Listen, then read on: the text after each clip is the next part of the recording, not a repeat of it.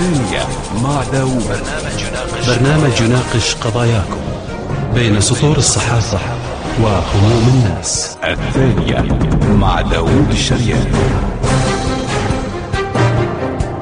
مساكم الله بالخير. اليوم سنتحدث عن البنوك ونظام تسديد الأقساط. ضيوفي هم الأستاذ فضل البوعينين الكاتب والخبير الاقتصادي والمحامي والمستشار القانوني الأستاذ محمد أحمد الضبعان. من أراد أن يتواصل معنا على الرسائل ال STC 3844 موبايلي 630 530 وزين 733 733 أو على الهاتف 01 اثنين ستة ثمانية أربعة أربعة ثمانية ثمانية صفر واحد مئتين وثمان وستين أربعة وأربعين ثمانية وثمانين. من لديه اقتراحات لهذا البرنامج على الإيميل dfm at mbc.net dfm at mbc.net حياك الله أستاذ فضل. حياك الله أستاذ داوود حي الأخ محمد. مرحبا يا محمد. هلا بكم. هلا بك يا أستاذ داود. آه، أستاذ فضل إحنا اليوم نبي نتحدث عن هناك كثير من ال- المواطنين الذين يقترضون من البنوك قروض شخصية يشتكون من أن البنوك تقتطع آه، حقها في السداد الش- الشهري قبل يومين من نزول الراتب. طبعا هناك اتفاقية بين الجهات الحكومية والبنوك تحدد علاقة نزول مرتبات الموظفين وأنت أكيد تعرفها. نعم. اللي أبغى أسأله اليوم من هو الذي يحدد البنك هو الذي يحدد أم أن يجب أن يكون هناك اتفاق بين المقترض والبنك؟ متى يقتطع البنك؟ بسم الله الرحمن الرحيم. المحدد هو النظام الذي ينص على أن يكون موعد ال- ال- خصم القسط هو نفس الموعد الذي آه، يتم إيداع في آه، الراتب فيه. آه، في في القطاع المصرفي يتحدثون عن تاريخين أساسيين للعمليات المصرفية وهو تاريخ الاستحقاق وتاريخ الخصم. تاريخ الاستحقاق هو تاريخ استحقاق الراتب ال- اليوم الذي يودع به الراتب. وتاريخ الخصم هو التاريخ الذي يعتمد به عليه البنك في خصم القسط الشهري. يجب أن يتطابق الموعد بين تاريخ الاستحقاق وتاريخ الخصم ولا يجوز بأي حال من الأحوال أن يقوم البنك بالاستيلاء على أموال المقترض الخاصة ويجمدها أو يسحب جزء منها لسداد قسط لم يستحق, لم يستحق بعد. وبذلك يكون البنك في هذه الحالة مخالفة ويكون النظام هو الأساس والفصل في هذا الموضوع. طيب يجي واحد يرد عليك فضل يقول أنا موقع البنك نفسه. يقول أنا موقع مع الرجال ذا طبعا ما يقرأ معظم الناس مو بيقرأ وش يوقع عليه. أما البنك يحسب البنك حكومة يثق فيه. فيجي ويوقع على ورقة البنك يقول اقتطاع آه، نزول الق- القسط يوم 23 مع أن الراتب البنك أصلا هو اللي حول الراتب يعني جهة ما يشتغل فيها هذا الرجل شركة أو جهة ما ينزل الراتب يوم 25 أنا أتكلم عن الحكومة اللي تنزل رواتبها يوم 25 نعم. فهو ينزل الراتب ينزل يوم 25 بس الرجال موقع يوم وقع على القرض وقع يوم 23 مع البنك. هنا البنك ما يصير كأنه عايل زي ما تقول أنت.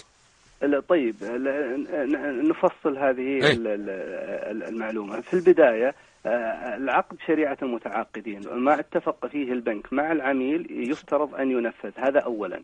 ولكن هناك ما يطلق عليه عقود الإذعان وعقود الإذعان هي العقود التي آه، تفرض على آه، الموقع عليها وهنا المقترض لحاجة ما فهو لا يستطيع الحصول على ذلك القرض إلا بعد أن يوقع على هذه الاتفاقية وإن كان فيها ضرر عليه. وبذلك يكون هذا العقد جزء من عقد الإذعان. نحن نتحدث في القطاع المصرفي على العموم. هناك تكلفة للنقد أو ما يطلق عليه قيمة النقد.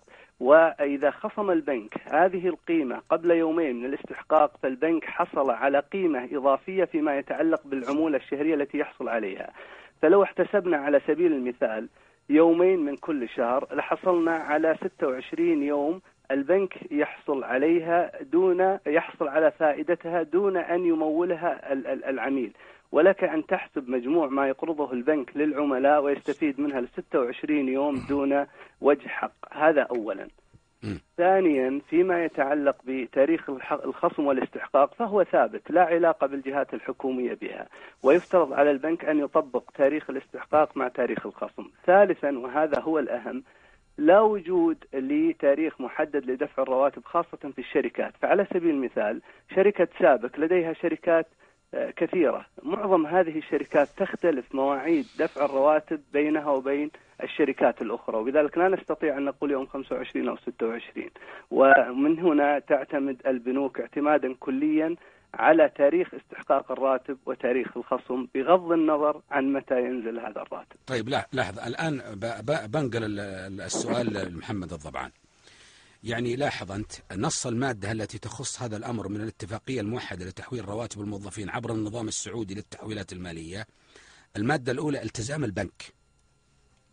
يبدأ الصرف للموظفين يوم الخامس والعشرين من الشهر الهجري في الأحوال التالية. إذا صادف يوم الخامس والعشرين يوم جمعة فتكون بداية الصرف اعتبارا من بداية يوم السادس والعشرين. يعني ال- ال- البنك اليوم اللي عقب لحس يوم ها مع أنه إلكتروني الصرف والقروش عنده معطيته إياه الحكومة.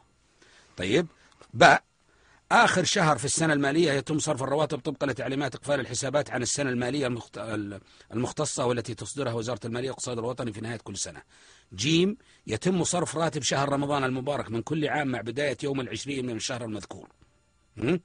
ما هي الحكمة في أن البنوك إذا صادف يوم جمعة توخره للسبت ورا ما تجره للخميس okay اولا آه، طبعا يجب ان نتكلم على من زاوية قانونية بحتة بغض النظر عن العاطفة مم.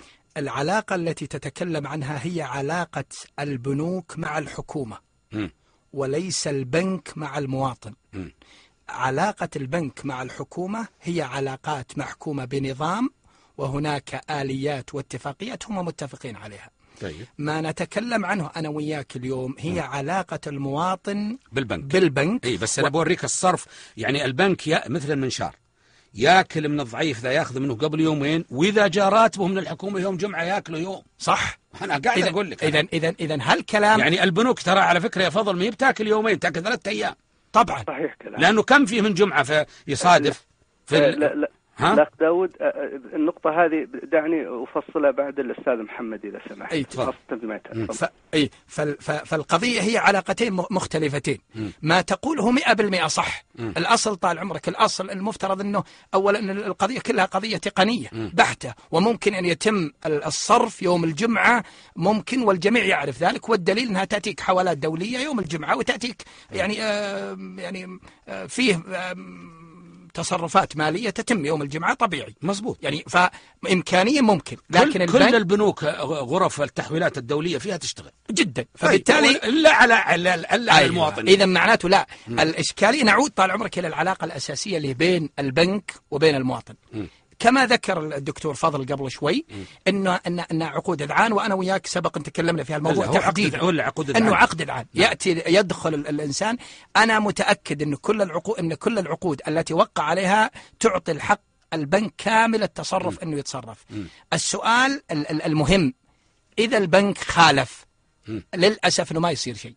وهذه وهذه الإشكالية. اذا إذا خالف بيش إذا خالف بإنه سحب المبلغ قبل هو أوانه. يسحب الآن أنا أقول لك الآن في في شكوى عامة من الناس أي. يعني أنا ما سويت هذه إلا من شكوى عامة يعني إيميلات بال- بالمئات وب- والصحف كتبت عنها جريدة الرياض كتبت صحيح. عنها صحيح. الرياض كتبت- كثير. إي إي. يعني هذه قضية مطروحة عند الناس إنه أنا أوقع لاحظ هنا واحد يقول أنا موقع عقدي على 25 ويسحبون يوم 23 هذا هذا هذا خطأ. إذا كان عقده ينص العقد الأصل طال عمرك وهذا اللي اللي يجب أن الدولة تتدخل في الجزئية لأنه شيء ش يعني شر واضح.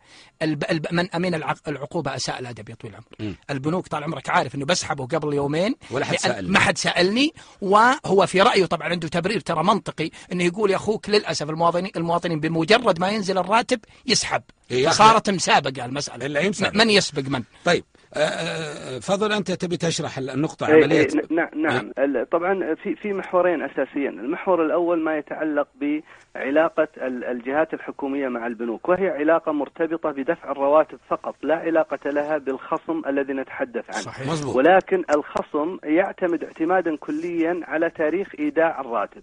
وبذلك فيما يتعلق بالحكومة الحقيقة أن هذا هذا النظام كان آه، نافعا قبل أن آه، ن- ن- نتقدم في التقنية وقبل أن يعني. يدخل نظام سدا- سداد في البنوك التي يمكن تحويل من بنك إلى آخر في خلال ثلاث دقائق فقط. أي. وبذلك انتهت عملية أن تودع هذه المبالغ يوم راحت. أيام الخياش يوم الرئاسة أي العامة نعم، انت- الخياش. انتهى نعم. الآن نحن في عصر التقنية الذي يمكن تحويل الراتب بضغطة زر يوم السبت صباحا بدلا من تحويله يوم الخميس.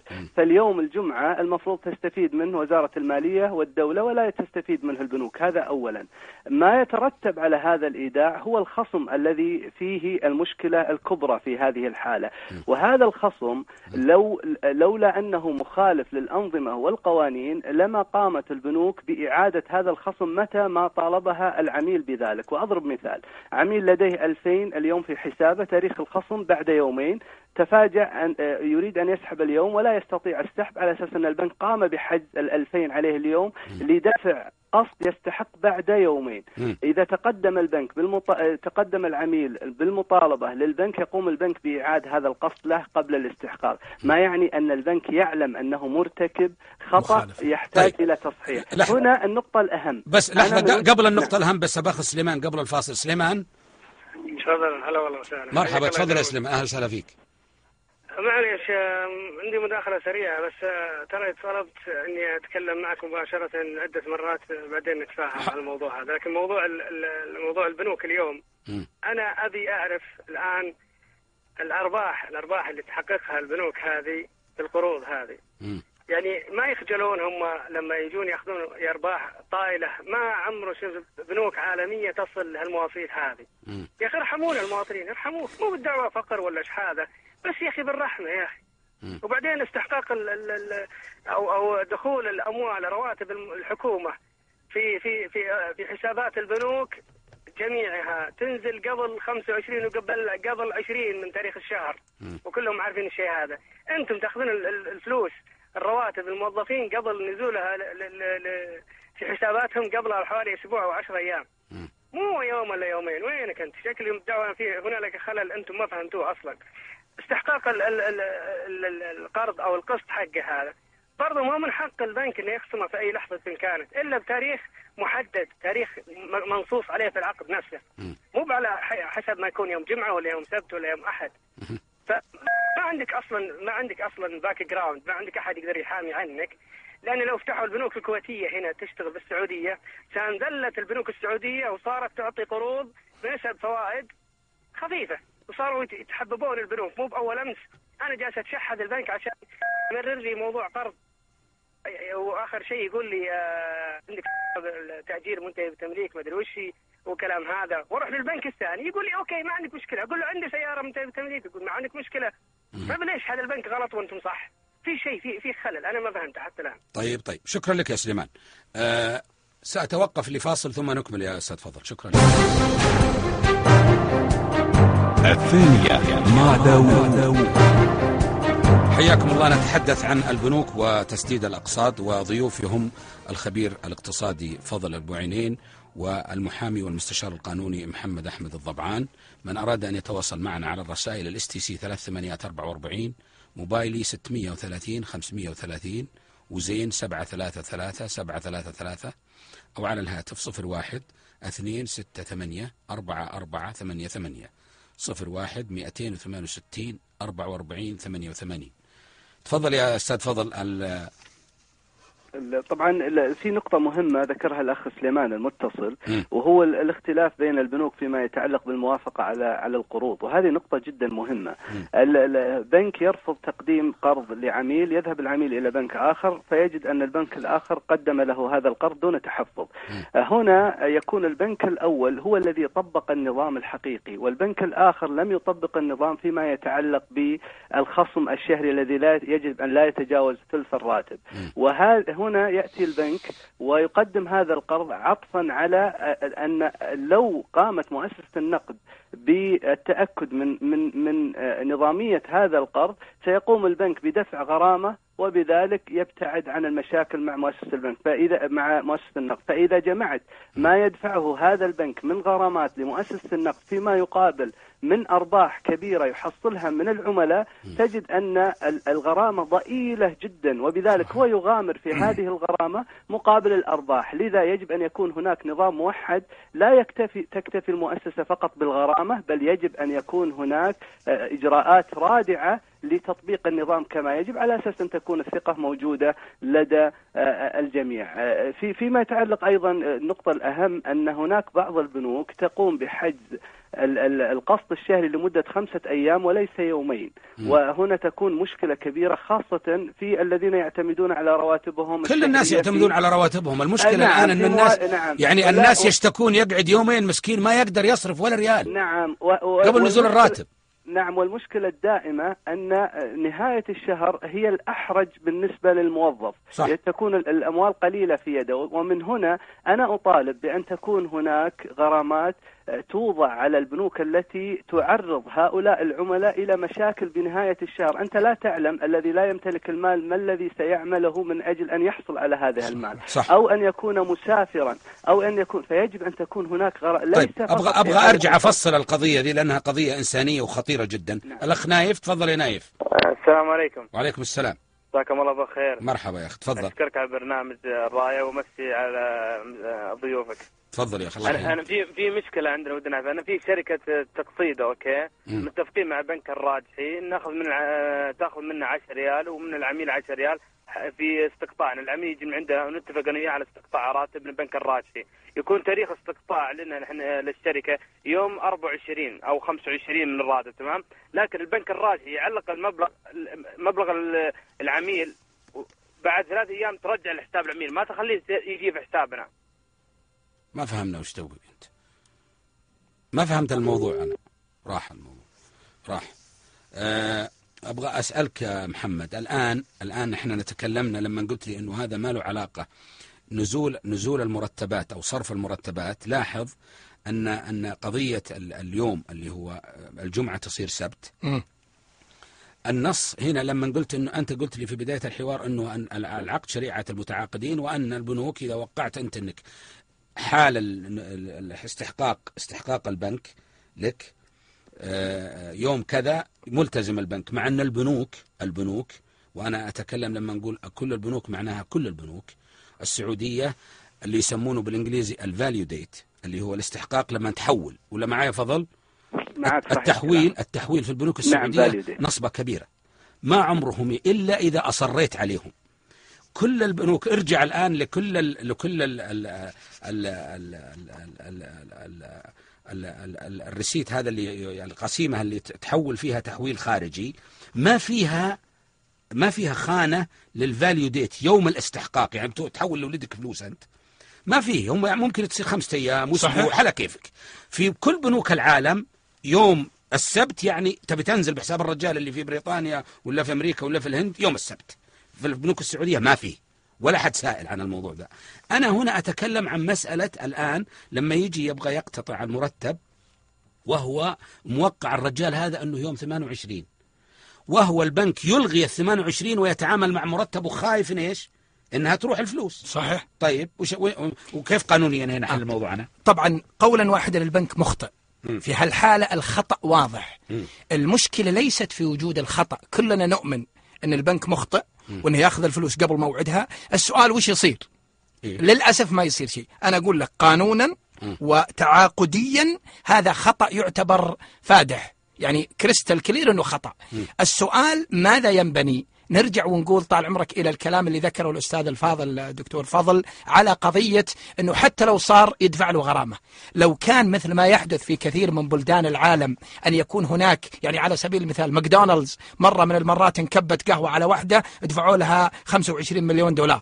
ليس السبب أنه لأنهم حذروه مرة مرتين ثلاث أربع. البنوك طال عمرك لو عرفوا أن هناك عقوبات صارمة ورادعة لمثل هذا التصرف لأن المشكلة يقول واحد يا أخوك والله أنا ماني برافع دعوة وفلان مو برافع وفلان مو برافع وفلان مو برافع. فبالتالي تنتهي القضية. لا ولا يدري يرفع لمين ما أيوه. وحتى لو رفع في الأخير طال عمرك اثبت ولا تثبت ورح أنت اثبت. فالإشكالية مثل ما ذكرتك إنها فعلا مشكلة حقيقية يجب أن يكون لها عقوبة رادعة من الدولة وليست يعني م- ال- ال- المؤسسة نقد المفترض أنها تتخذ إجراء صارم في حالة لأنه لأنه والدليل وجود الخطأ. هذه طبعا معلومة أول مرة أعرفها من الأستاذ فضل. قضية إنه يرجع لك. لا شافك مزعج ولا محامي ولا تفهم. قال ورد فكرة شرك. خذ 2000 واسكت. إيه يسوي يسوي كذا. ريان تفضل يا ريان.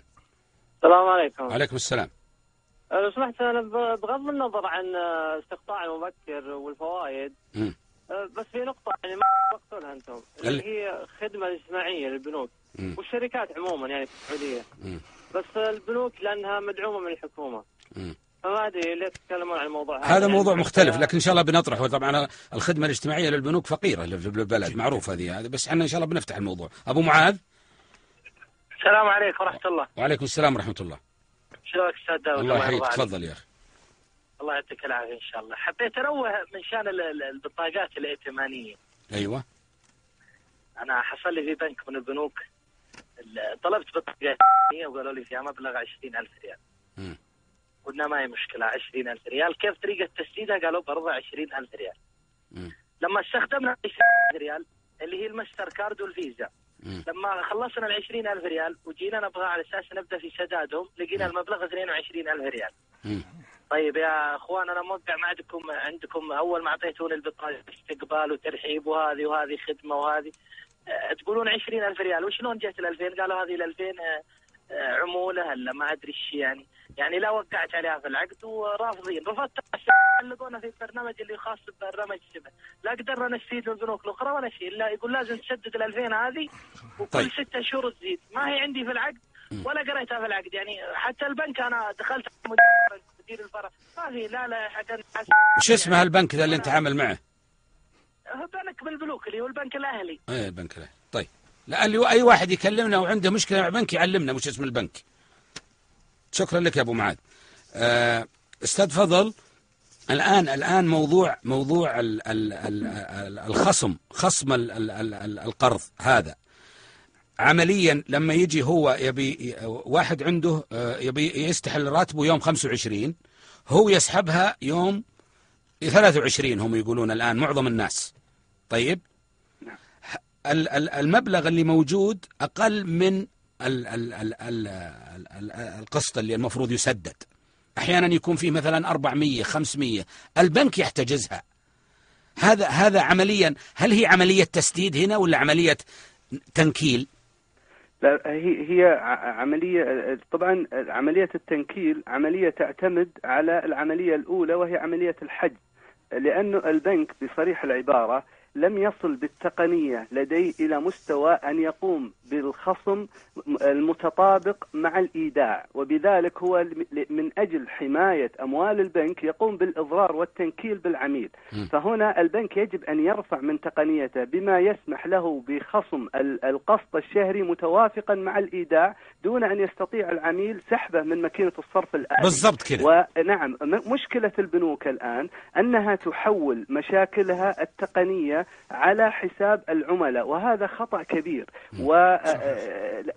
وأضيف على هذه النقطة الآن ليس الأمر فقط على احتجاز مبلغ قبل نزول الراتب والبعض ال 200 وال 300 ريال تؤثر فيه طبعاً، كثيرا تأثر فيه كثير. لا تعل... نعم لا واحد تعلم راتبه. أصلا 3000 ريال أو 2500 نعم وهو ما- وعليه قسط 1300 مثلا بالشهر. تخس 200 ريال تصلح له اشياء واجد. صحيح. الأكثر من ذلك أن هناك بعض الموظفين يحصلون على مكافآت تد- تدفع لهم في وسط الشهر. ال- التقنية البليدة في بعض البنوك تتعامل مع هذا ال- الإيداع على أنه دفع رواتب وتقوم بخصم بخصم قسط من هذا العميل. ثم إذا جاء الراتب مرة أخرى في يوم 25 يقوم تقوم يقوم الجهاز أيضا بخصم أيضا قسط آخر في نفس الشهر وبذلك يخصم على العميل قسطين في في- شهر واحد. إذا العميل انتبه وعاد للبنك طالب بإعادة القسط أعيد. وإذا لم ينتبه مشت العملية دون أي إشكال. وهذه مشكلة كبيرة. طيب أبغى أرجع لك أنا برجع لموضوع التحويلات والراتب. مسفر تفضل يا مسفر. الله مساكم جميع بخير. مرحبا. ما أطول عليك أخ داود أنا عندي ثلاث نقاط النقطة الأولى عندي قرض في البنك الأهلي مم. عرفت وتأخر في سحب ثلاثة أقساط إيه ورفع اسمي لشركة سمه إيه. وإلى الآن اسمي لا زال في شركة سمه حاولت إني أخليهم يخصمون المبلغ وودعت لهم المبلغ ورفضوا انهم ما يخصمون الا في آخر ال- القرض. هذه نقطة لا زال اسمي طبعا شركة سمة. النقطة الثانية يوم السبت اللي راح هذا أنا خصم حسابي 1000 ريال. مم. أنا حسابي في البنك الفرنسي. مم. أنا خصم 1000 ريال. من دون يعني ما أدري إيش اللي جيت سحبت 400 بعدها آه، اتضح لي ان الحساب مخصوم منه 1000 ريال، رجعت البنك قال أنت ساحب 1000 ريال اليوم الفلاني اللي هو يوم السبت الساعة 7 في الليل. طبعا أنا الوقت هذا كنت مشغول في زواج ونهائيا ما جيت أي صرافه من الساعة 5 إلى الساعة 10 في الليل. عرفت؟ قال ما معك الا تروح للشرطة تشتكي. رحت للشرطة قالوا جيب لنا موقع الصرافة. قلت يا آدمي أنا ما صرفت نهائيا. قال لا لازم تجيب لنا موقع الصرافة عشان نرفع للمؤسسة. قلت يا أخي ما صرفت أنا نهائيا. في واحد ما أدري كيف سلط على حسابي ما أدري إيش السالفة. وأنا الآن حاير يعني ما بين البنك وما بين الشرطة. ورحت البنك العربي برضه شرحت له قال لنا بحكم إنه على قولتهم إنه صراف العربي مم. شرحت له الوضع قال ما في كل شيء عن طريق الشرطة. الآن يعني ما أدري إيش يسوي. الشرطة ما رفضت تستقبل عن طريق إني أجيب لهم موقع الصرافه وأنا نهائيا ما جيت صراف ولا سحبت البلا ما هو في الشرطة. البلا في البنوك يا ابن حلال ما هو في الشرطة. هم عارفين الكترونيا ويدرون وش. اللي صرف وكلش ما له علاقة هذه- الشرطة هم دارين شكرا يا شكرا لك. تفضل يا آه، أستاذ فضل دعني أيضا أعلق على ما طرحه الأخ المتصل الآن. هنا فيما يتعلق بالخصم قبل إيداع الراتب هذه تسبب إشكالية كبيرة للعملاء.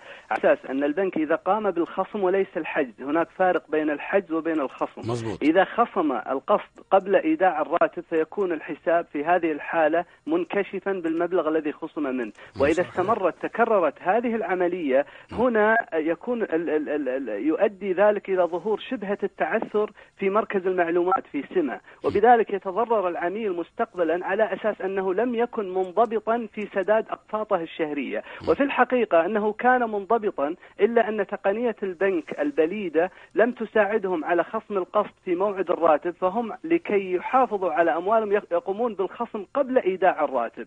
ومن ثم يتضرر العميل وربما يكون الأخ المتصل جزء من من تضرر من هذه العملية على وجه الخصوص. مم. طيب أستاذ فضل والاستاذ محمد سأتوقف لفاصل ثم نكمل الحوار. الثانية مع داوود. حياكم الله نتحدث عن البنوك وتسديد الأقساط وضيوفي هم الخبير الاقتصادي والكاتب فضل البوعينين والمحامي والمستشار القانوني محمد أحمد الضبعان. من أراد أن يتواصل معنا على الرسائل ال STC 3844 موبايلي 630 530 وزين 733 733 أو على الهاتف 01 268 4488 01 268 44 88 معنا أيمن. تفضل يا أيمن. ألو السلام عليكم. وعليكم السلام. يمسك بالخير أستاذ داود مرحبا. أخوي أنا عندي مشكلة في مع البطاقات الائتمانية. مم. أنا تقدمت بطلب للبنك الراجحي. على بطاقة ائتمانيه أنا أدفع المبلغ. مو أي. المبلغ من عندهم. إيه. جبت. فقالوا لي إنه ما في يعني ما ما ناخذ فوائد ولا ناخذ شيء بس رسوم إصدار 200 ريال. قلت okay ما عندي مشكلة. أيوه. اتفاجأ بعد ما استخدمت المبلغ وكذا ألقى حسابي بالسالب اللي هو الحساب الجاري ألقاه بالسالب زيادة عن المبلغ اللي أنا أودعته في البطاقة. مم. يقول له هذه رسوم تأخير. طيب أنا اللي دافع الفلوس شلون يعني ياخذ رسوم تأخير علي؟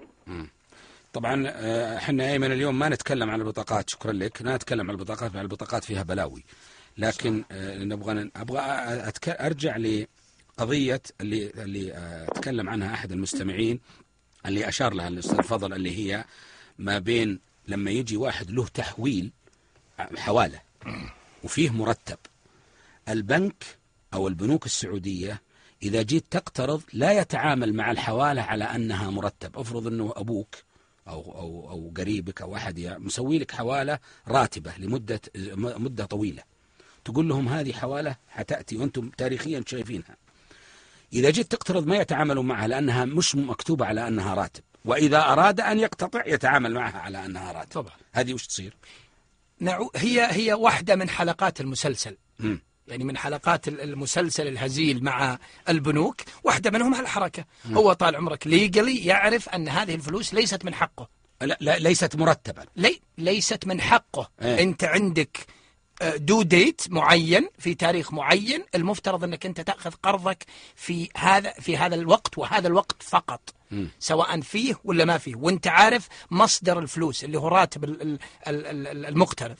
الإشكالية طال عمرك إنه يأخذ أنا شخصيا لا أتوقع أن المسألة قضية system مم. القضية قضية intention نية مم. إنه هو ناوي إنه ياخذ to maximize يعني خل ما ما أكبر مبلغ ممكن الأعلى. آخذه من ال- الحد الأعلى من هذا القرض آخذه من هال ال- ال- المشكلة الأخرى اللي أنا قلتها لك قبل شوي قضية إنه للأسف إنها صارت المسألة مسألة مثل الغاب هذا ياخذ وهذا ينهش. كيف أسبق وكيف ما أسبق.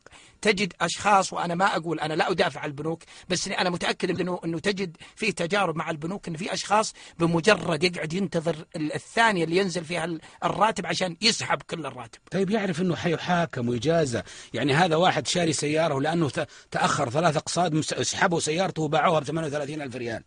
يعني وخسروه ضاع وظل عليه دين هذا مو بعذر مو بصحيح يعني ال ال ال اللي مقترض يدري إن البنوك سطوتها أقوى منه ما في وإنه شك. بالنهاية حيجرونه صحيح. مو بصحيح الكلام ده لكن إحنا نتكلم عن الإنسان في محتالين ما نتكلم عن هذا لكن لا يمكن يقوم نظام بنكي على أنه في عشرة محتالين في البلد. يرسم عليهم صحيح. الكلام مو صحيح. صحيح لا، لا. الكلام ده بس أنا صح أقول لك هذه؟ وجهة نظرهم إيه؟ قولا واحدا على أنت- نظرهم معناته يتعامل يتعاملون مع محتالين دول طويل العمر أنا أقول لك أنه هذا العذر الوحيد ومع ذلك لو كان هذا العذر موجود وحقيقي وفالid المفترض أنه ما يصير.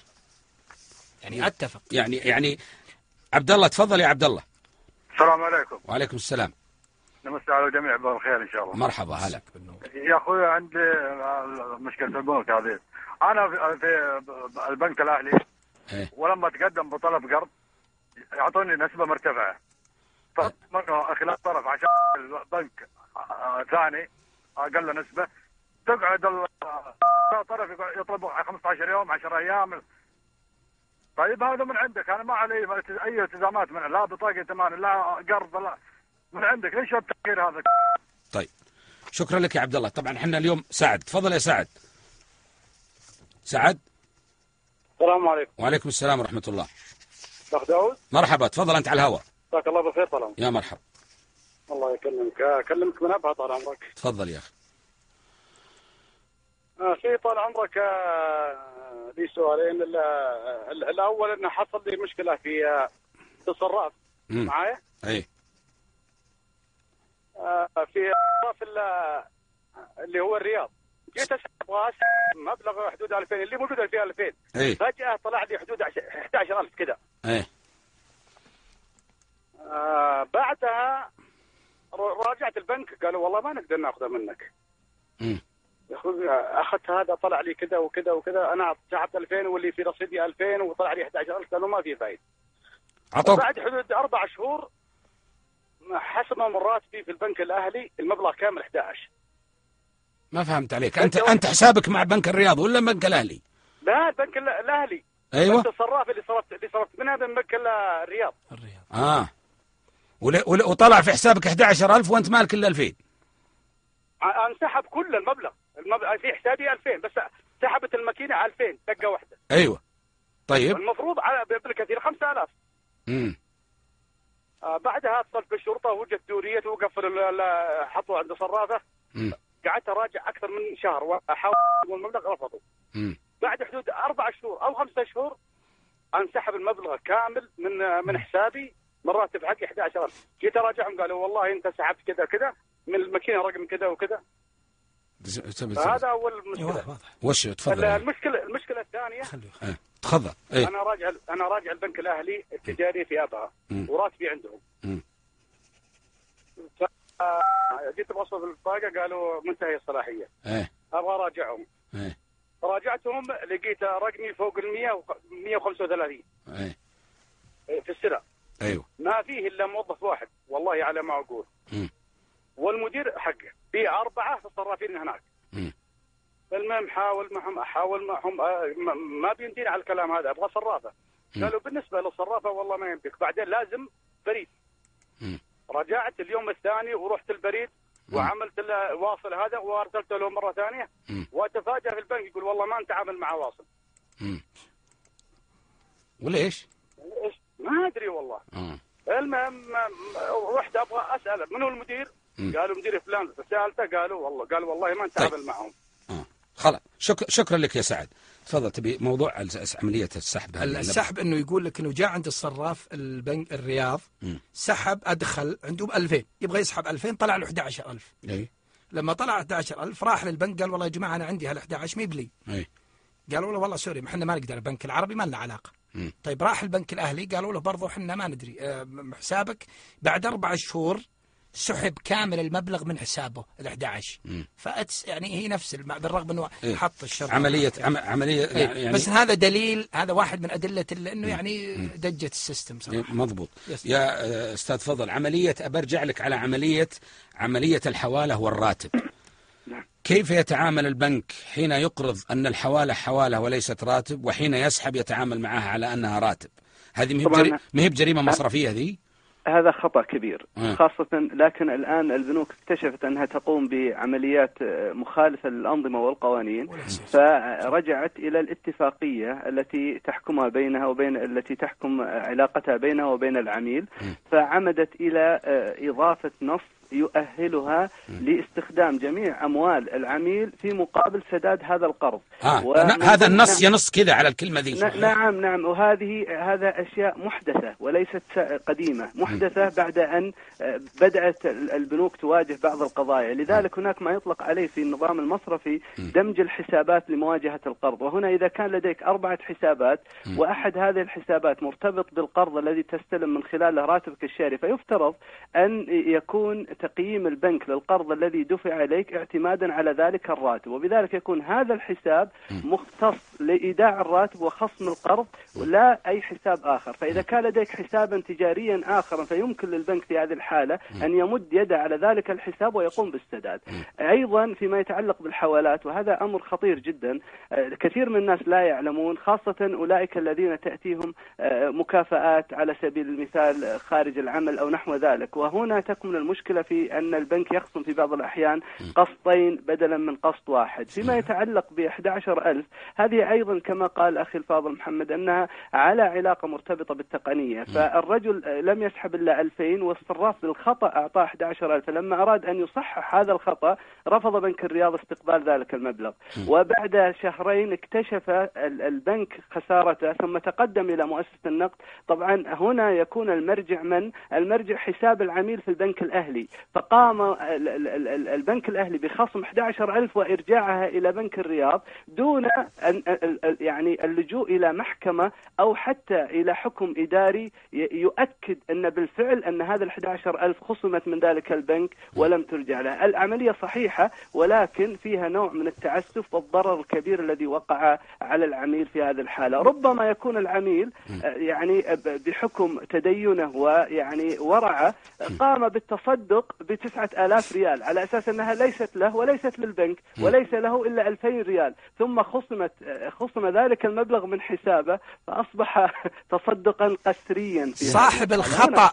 يا دكتور صاحب نعم. الخطأ أو المتسبب في الخطأ الحقيقي لم يدفع ولم يخسر ريالا نعم واحدا. نعم. كلام صحيح. واللي فيفضل- خسر هم الطرفين اللي ما لهم علاقة. طيب. صحيح. الآن صحيح. الس- السؤال هو هنا في شكاوى من تغيير تاريخ السحب. ال- ال- ال- طيب قبل هذا السؤال أثرت الأستاذ داود نقطة جدا مهمة فيما يتعلق بتاريخ الاستحقاق في الحوالات الخارجية. أيوه. وهذه هذه نفس نفس العملية اللي تجري في البن- في الرواتب هي نفسها. نعم ال- ولكن هنا تترتب عليها عقلية القرصنة اللي تدير البنوك. نعم بالضبط. أي. وإضاعة حقوق كثيرة خاصة فيما يتعلق بالعقود التي تمضى في في أوروبا على سبيل المثال. هناك شرط ينص على أن يجب أن يصل المبلغ بأقصى تاريخ ويحدد هذا التاريخ وهو تاريخ الاستحقاق. إذا قام البنك بخطأ في إرسال التحويل وتأخر في إيصال ذلك المبلغ بعد يوم من ذلك الموعد المحدد فهنا ربما تنقض هذه الاتفاقية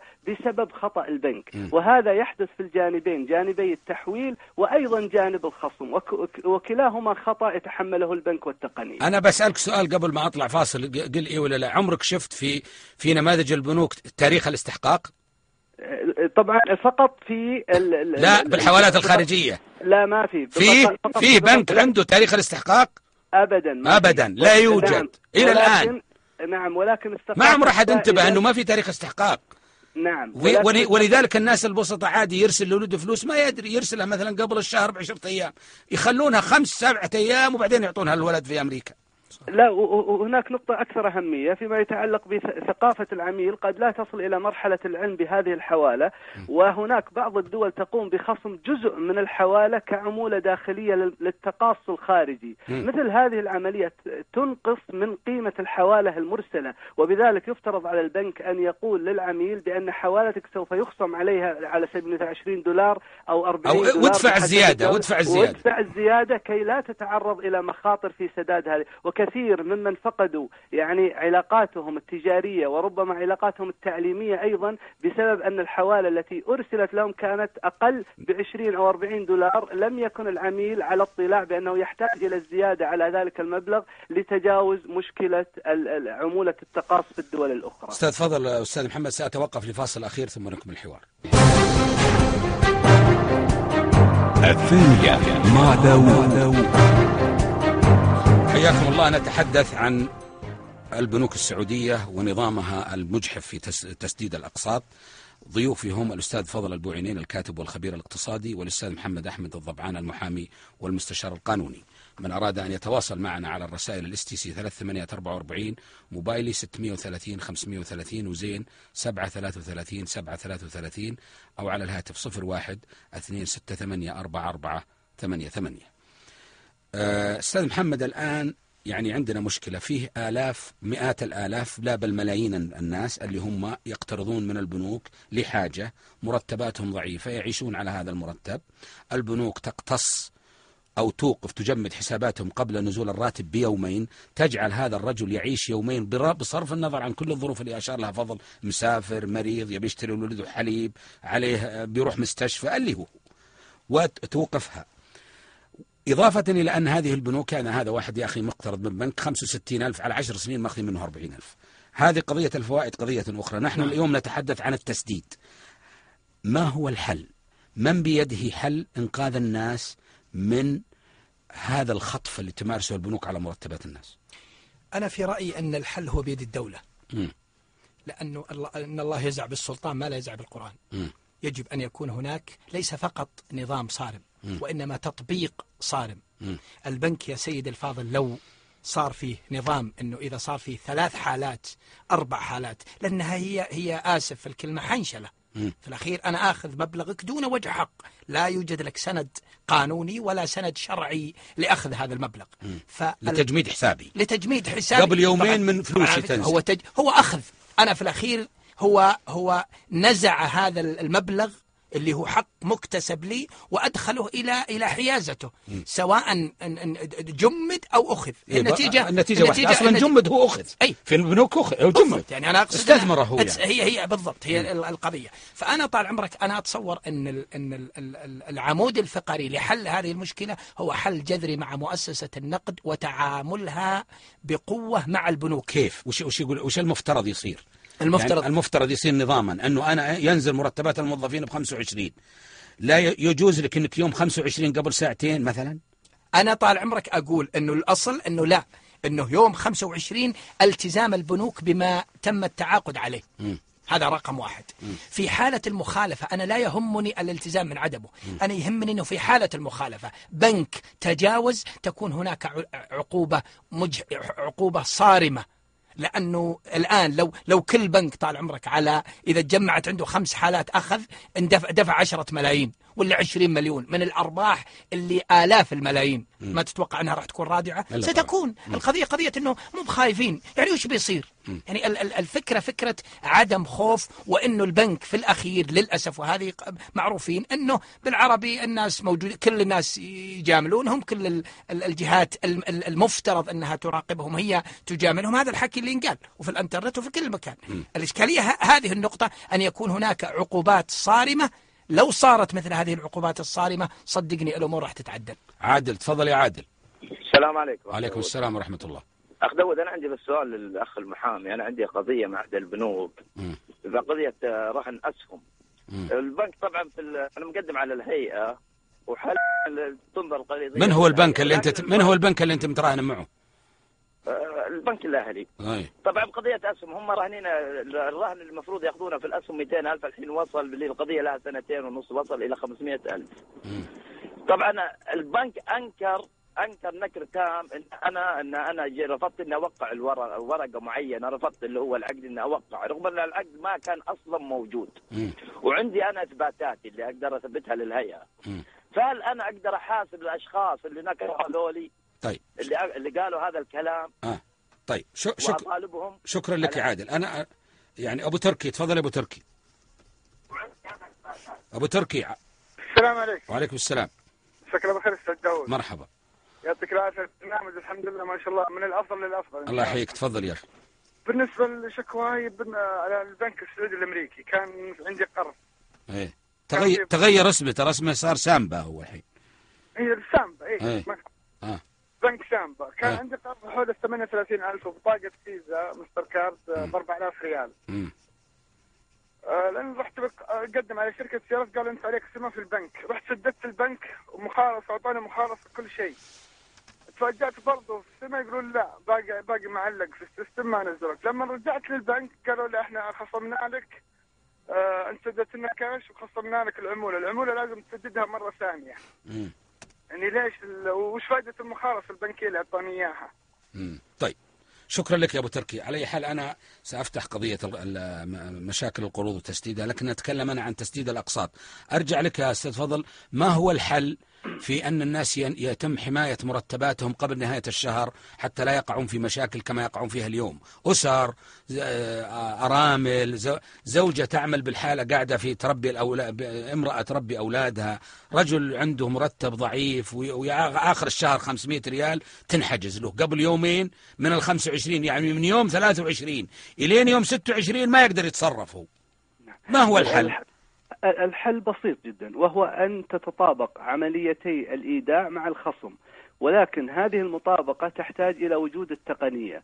ووجود التقنية تحتاج إلى استثمار مالي ضخم. لن تقوم مجالس إدارات البنوك بالاستثمار فيه ما لم تكن تكن هناك عوامل ضغط خارجية عليها لذلك أنا أناشد مؤسسة النقد العربي السعودي أن تضغط على البنوك التي لا تمتلك التقنية التي تعينها على توفير خدمة تطابق عملية الإيداع مع الخصم في نفس الدقيقة وليس في نفس اليوم في نفس الدقيقة ونفس الثانية أن تضغط عليهم للوصول بهذه التقنية إلى مستوى هذا أولا ثانيا هناك وهي. هي ممكنة هذه إنه ممكنة. إنه السحب قبل ال- مع الإيداع أو قبل الإيداع في, في, في, الدقيقة التي ينزل فيها الراتب يقوم البنك بخصم ال ال ال ال القرض. في نفس.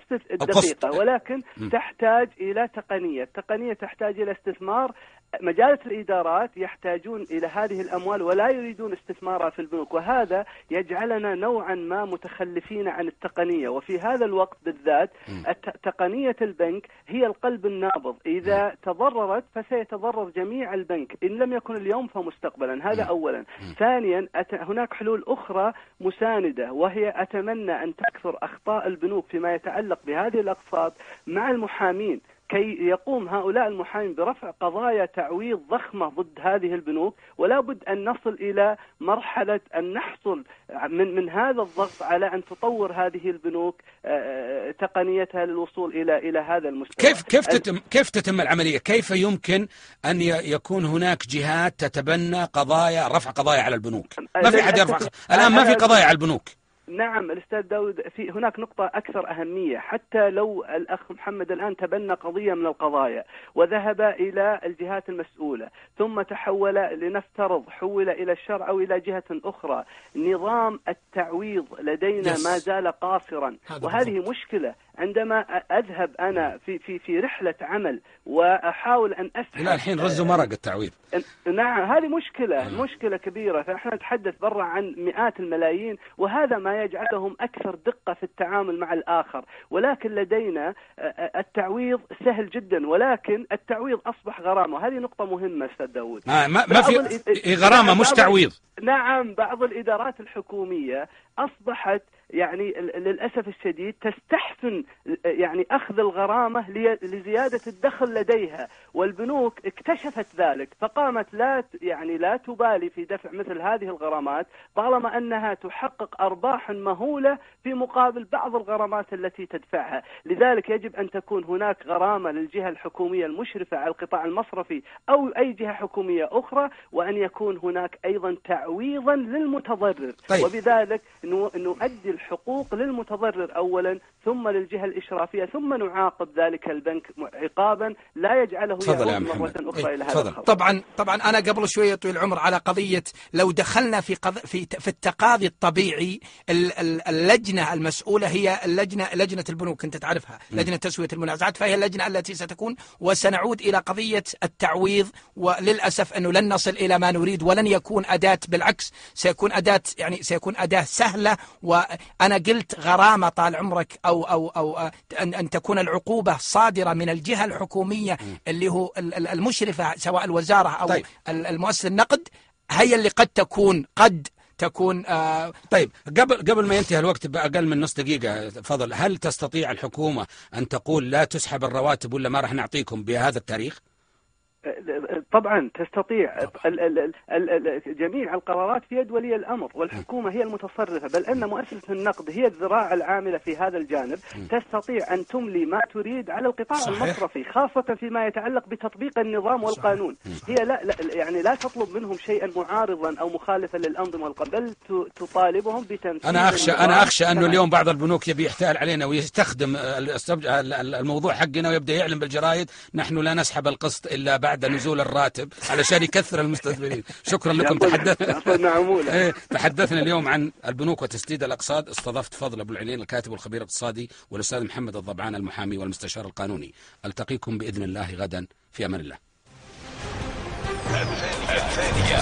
الثانية مع داوود برنامج يناقش قضاياكم بين سطور الصحافة وهموم الناس. الثانية مع داوود الشريان بإمكانكم إعادة الاستماع لهذه الحلقة على موقعنا mbc.net/داود